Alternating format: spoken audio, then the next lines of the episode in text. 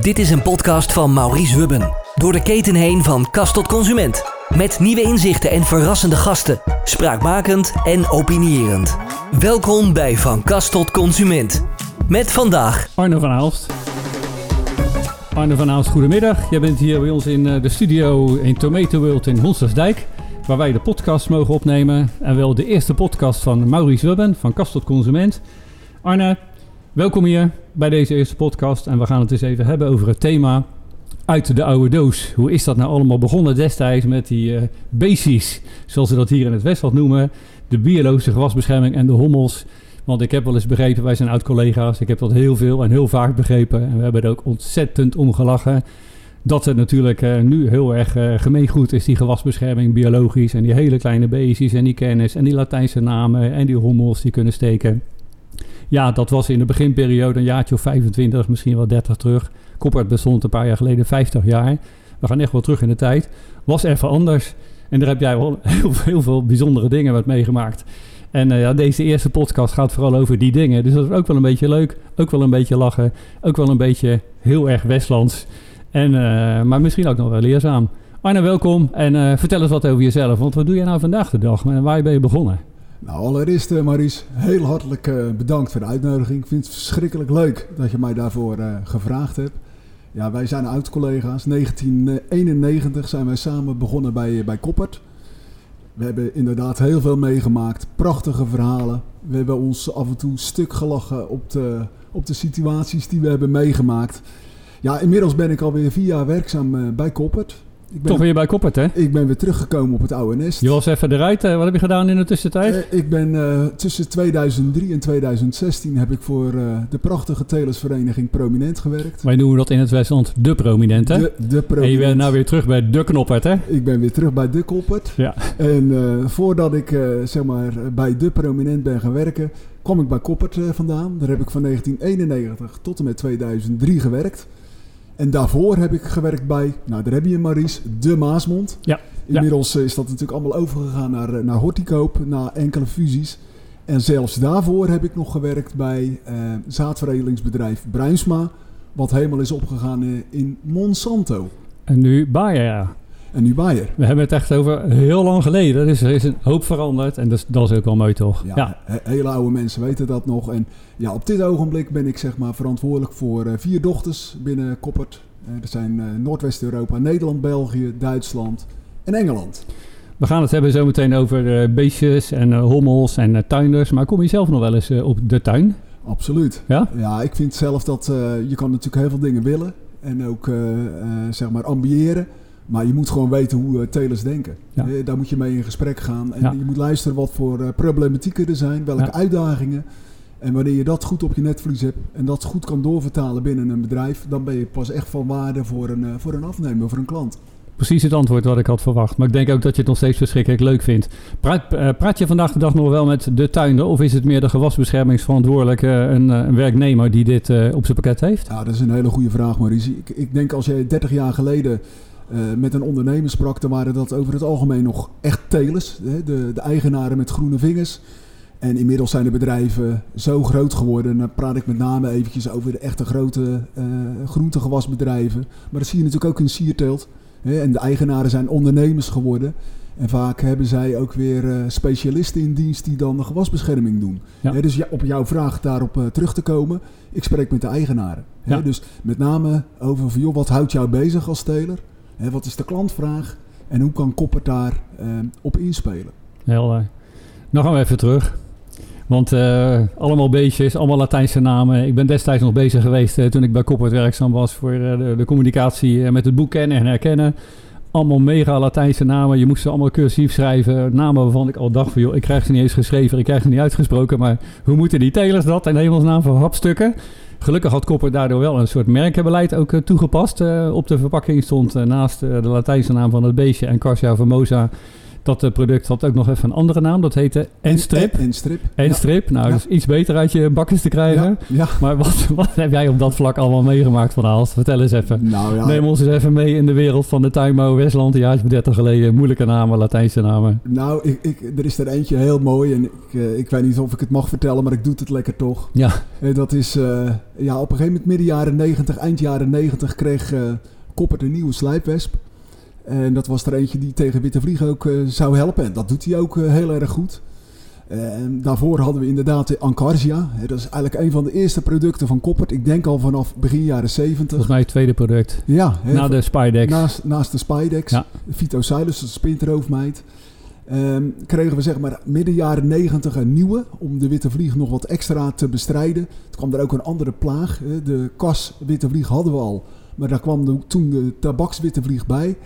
En die slijpwesp die heet Eretmocerus eremicus. Ja, die naam hebben jullie niet bedacht. Dat beestje heet volgens mij gewoon zo in de, natuur. Dat is de entomologische naam. Ja, klopt. Die worden inderdaad zo benoemd. En die, eh, nou, all over the world wordt dat beestje zeg maar wetenschappelijk zo genoemd.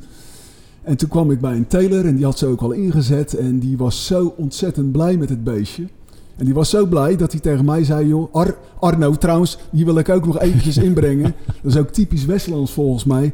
Mijn vader en moeder die hebben mij, nou vraag me niet hoe ze eraan zijn gekomen, die hebben mij Arne genoemd. Arne van Aalst. Arne van Aalst, mijn doopnamen. Hè, zoals dat dan eh, allemaal nog heel netjes was, werd ik netjes gedoopt. Mijn doopnamen zijn Arie Hendrik. En ik heb mijn moeder er natuurlijk al eens naar gevraagd, joh, maar waarom nou een hemelsnaam Arne? Want ja, dat is voor een Westlander over het algemeen best wel een dingetje. Ze zeggen, jongen, ik las veel eh, boeken vanuit eh, Noorwegen en daar kwam de naam Arne heel veel in voor. En eh, ja, toen, toen hebben we jou Arne genoemd. Nou, terug te komen daarop, heel veel Westlanders die konden die naam blijkbaar niet heel erg goed onthouden of hadden er toch moeite mee. Het was Arjen, Arjan, maar de meest voorkomende was Arno. Arno! Arno, pluk je al. Nou, ook deze teler die sprak eh, mij aan. Die zei, Arno, loop eens even mee, want ik heb nou zoveel Ereximoserus eremicus zitten. Dus het was geen Eretmoserus, het was Ereximoserus. Mozes. Bloedserieus, denk ik, hè? Absoluut. Ja. En ik heb Geen grappen. Ik, ja, ik moet je eerlijk zeggen, als ik er nu nog over terugdenk, dan schiet ik zelf ook weer in de lach. Eh, ik heb toen eerst, toen ik weer in de auto terug zat, heb ik vijf minuten heb ik onder het stuur gelegen. Volgens mij collega Jan Roderijs even gebeld, of wie dan ook. Nou, eh, toen was eigenlijk het bellen was nog niet zo gemo Oh, gewoon goed. ja, dat is Toen waar. Toen waren we Sorry. denk ik nog meer in de piepertijd en dergelijke. Dus ja, ja, ik zal het natuurlijk ongetwijfeld mijn collega's ook hebben dat, wil, verteld. dat wil hij delen. Dat wil hij delen. Ja. Dus sterker nog, we hebben daar later ook eh, tekeningetjes van gemaakt. Erectie Mozes. Ja, dat was zo'n slijpwesp met een eh, dingetje tussen zijn benen. Die ging dan op zoek naar, naar de witte vlieg. Ja. Nou, dat was er eentje, Maurice. Ja, eh, je noemt er nog maar eens een paar. Hè. Ja, ja. Ik heb ook nog eens een verhaal gehoord van een tomatenteler. Poeluk. En eh, die, die eh, ook dat een beetje onder, onder de knie begon te krijgen. Dat eh, de macrolophus, Ja. caliginosis, Helemaal goed gezegd. schuin geschreven, cursief, wel eens heel veel kon doen tegen luizen en dergelijke. Ja. Dus deze man, heb jij mij wel eens verteld, was ook hartstikke enthousiast. Nou is hij volgens mij altijd wel. En eh, ja, die eh, had jou even eh, iets te laten zien, want joh, hij had ongelooflijke mooie macrolophus eh, in zijn tomaten gewassen. Was helemaal tevreden, dacht hij. Nou, dat, hij was inderdaad hartstikke content. En ik moet je ook eerlijk zeggen, toen ik het hoorde, toen dacht ik... Nou jongens, we hebben een derde wereldwonder te pakken. Want Macrolophus, dat is een rovans. Die wordt ingezet hoofdzakelijk in tomaten en aubergine. ter bestrijding hoofdzakelijk van, van witte vlieg. Maar dat noemen we dan een breedwerkende insect. Eh, hij werkt ook tegen bijvoorbeeld eh, tegen eitjes van, eh, van motten en dergelijke. Ja.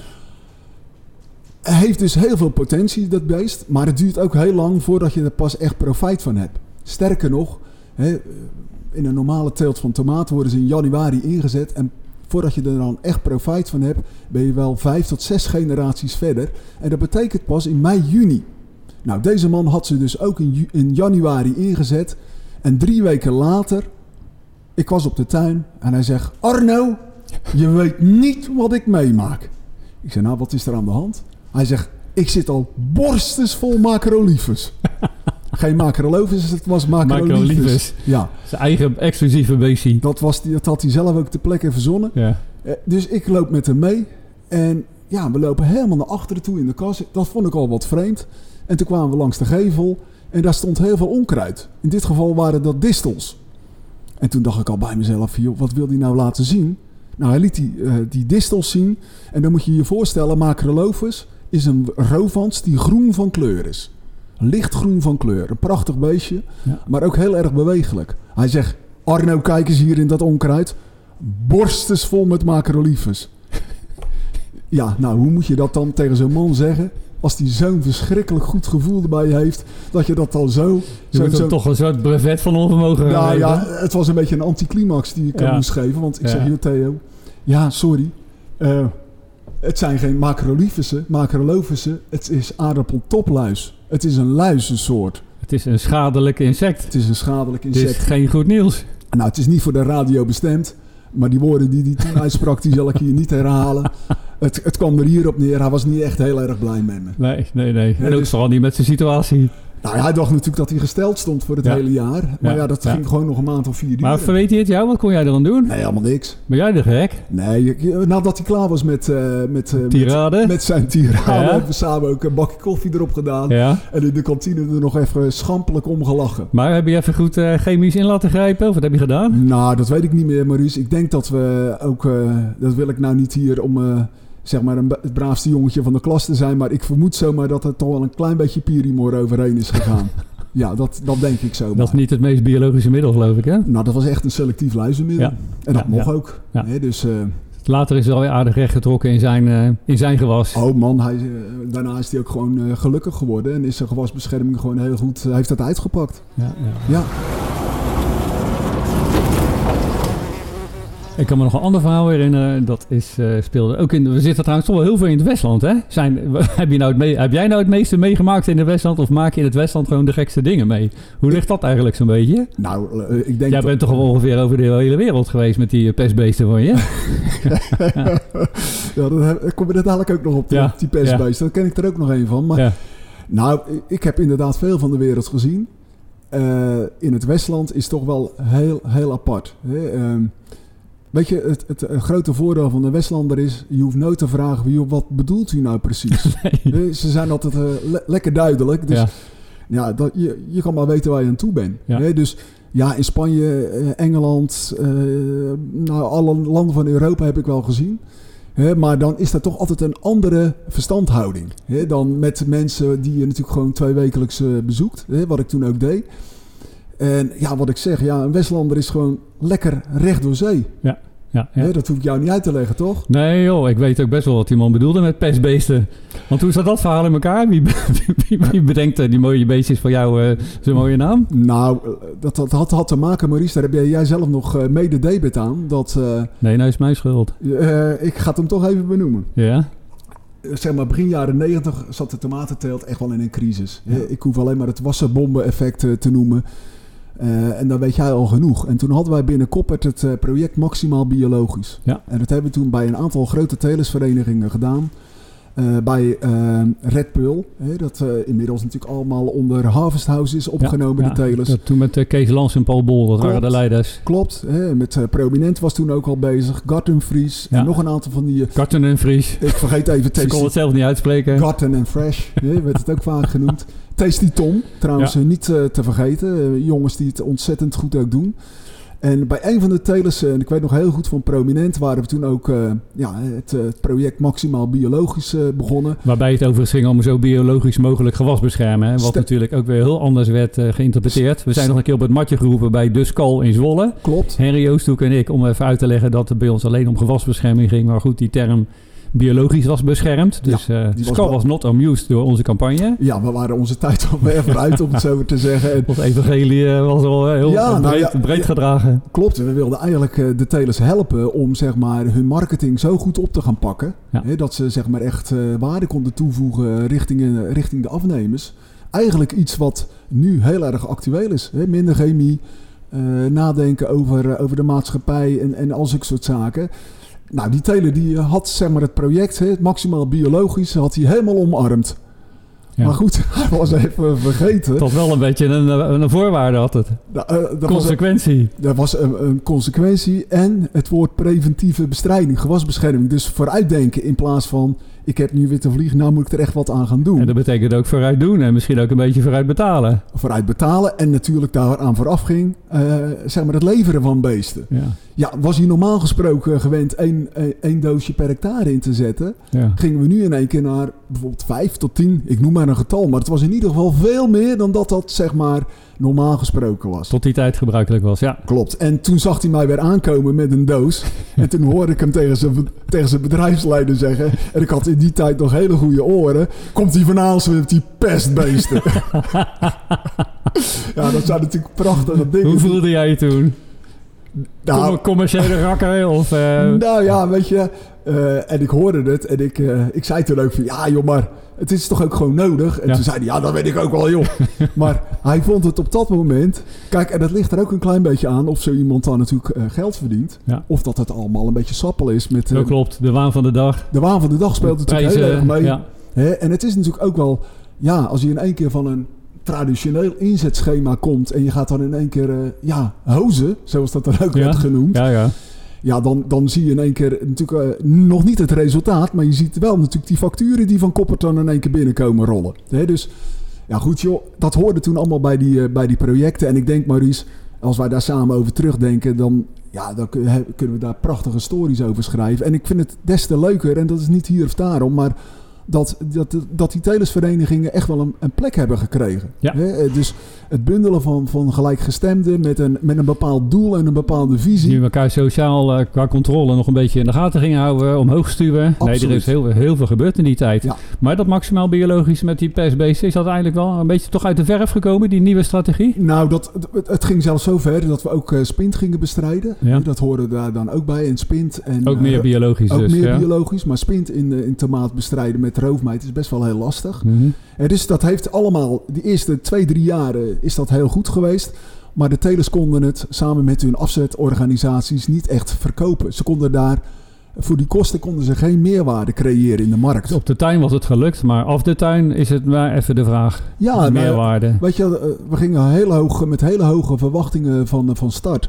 Maar de grote supermarktketens, die, eh, die wilden daar eigenlijk niet meer voor betalen. En toen hebben we natuurlijk gehad dat allerlei telesverenigingen die Hommel van Koppert, die gestileerde Nautipo Ja. Op de doos wilden. En het MBT-project bij eh, de, De ja, bij toen Rien Simonsen deed Ja. dat toen bij eh, het, het. CBT. Ja. Ja, werd gestart, et cetera, om toch die inspanningen in de tuin, op de tuin uit te leggen. Nou, daarvan heb ik nog steeds wel eens het idee van, nog niet helemaal gelukt. Nou, laat ik het zo zeggen. Wat, wat, wat mij gewoon ook opvalt, en dat heb ik natuurlijk ook meegemaakt in mijn periode bij Prominent.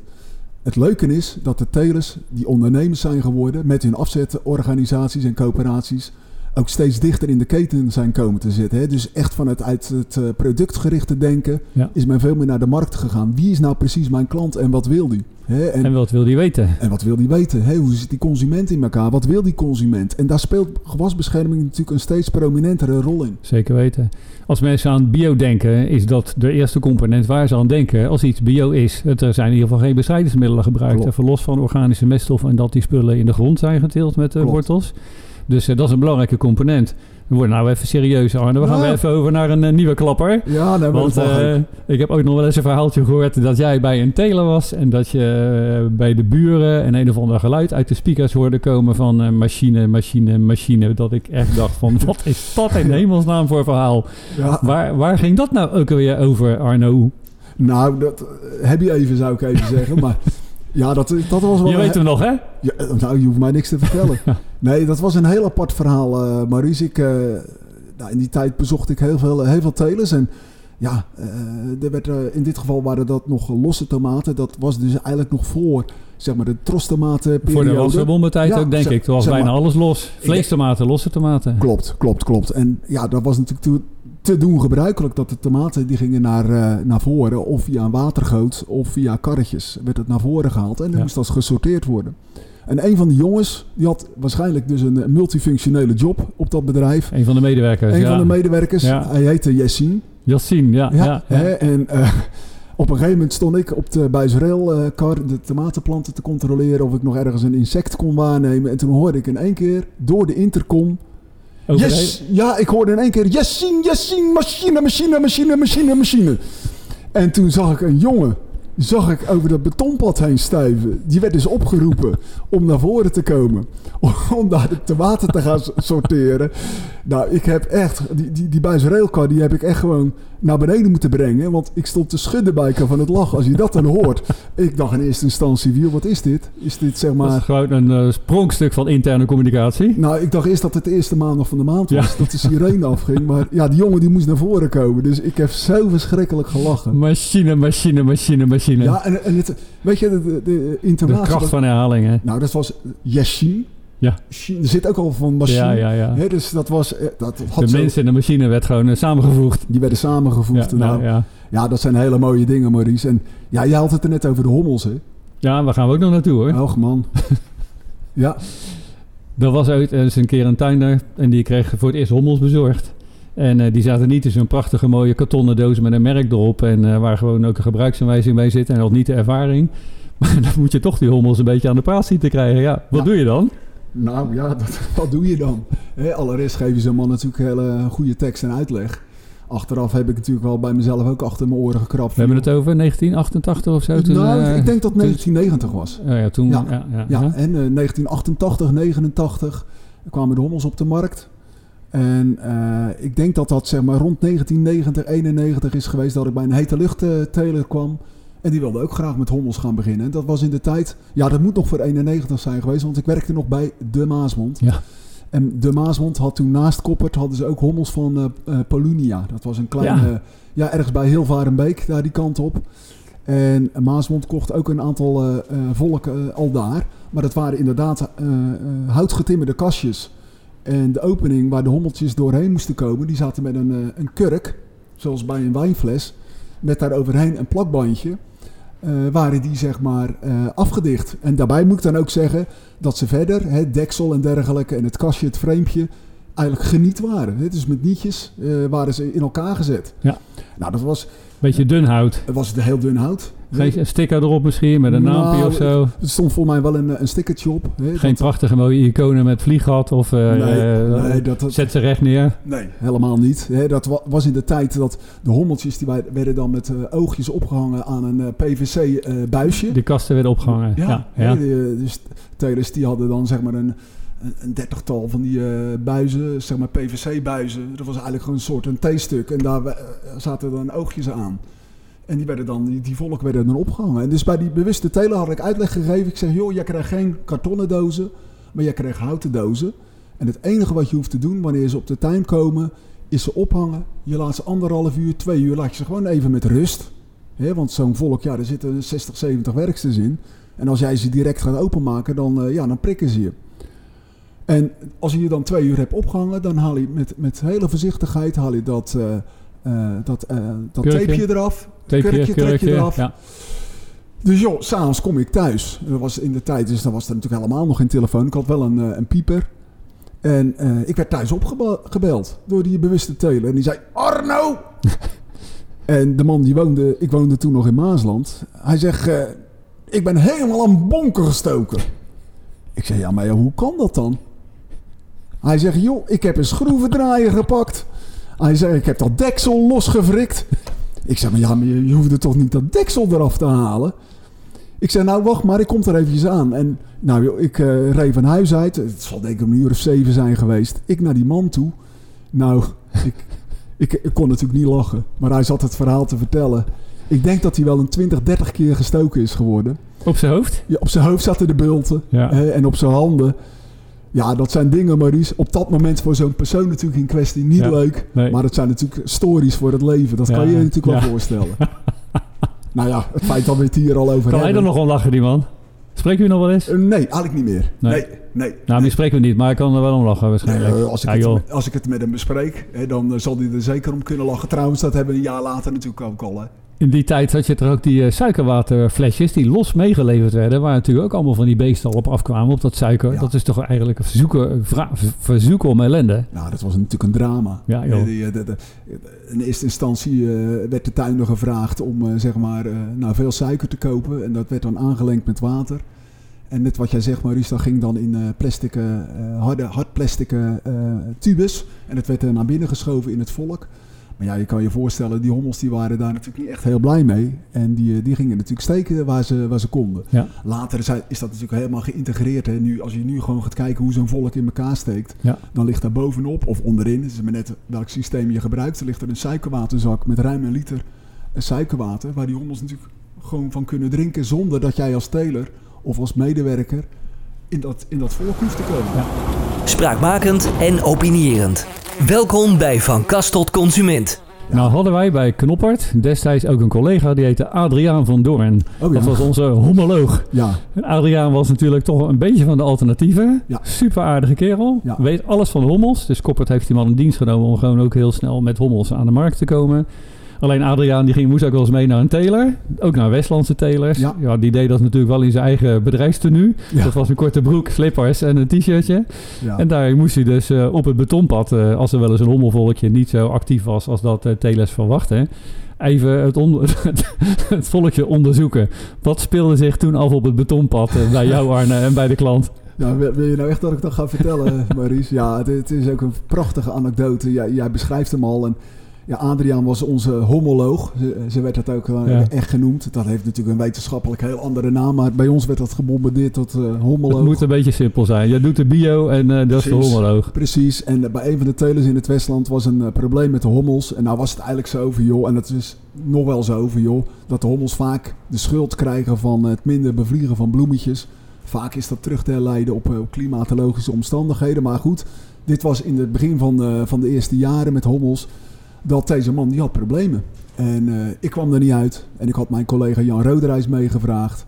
Nou, Jan is natuurlijk ook echt zo'n... eh, hoe noem ik zo'n zo'n zo'n zo'n missionaris als het gaat om mensen te overtuigen. Ja. Nou, Jan Ja. kwam er ook niet uit. Dus wij moesten naar die teler, moesten wij met Adriaan. En Adriaan, het was warm, het was midden in de zomer, die kwam daar in zijn, eh, in zijn korte broek. Met een baard van hier tot aan zijn, tot aan zijn navel. Ook nog. aan zijn na en, en, en een lang sluikhaar. En ja, daar kwam hij. Hij liep op sandalen in zijn blote voeten. Ja. Nou ja, je kan je natuurlijk voorstellen met welke gelijkenis dat werd eh, gemaakt. Met een hele oude man van ongeveer 2000 jaar geleden.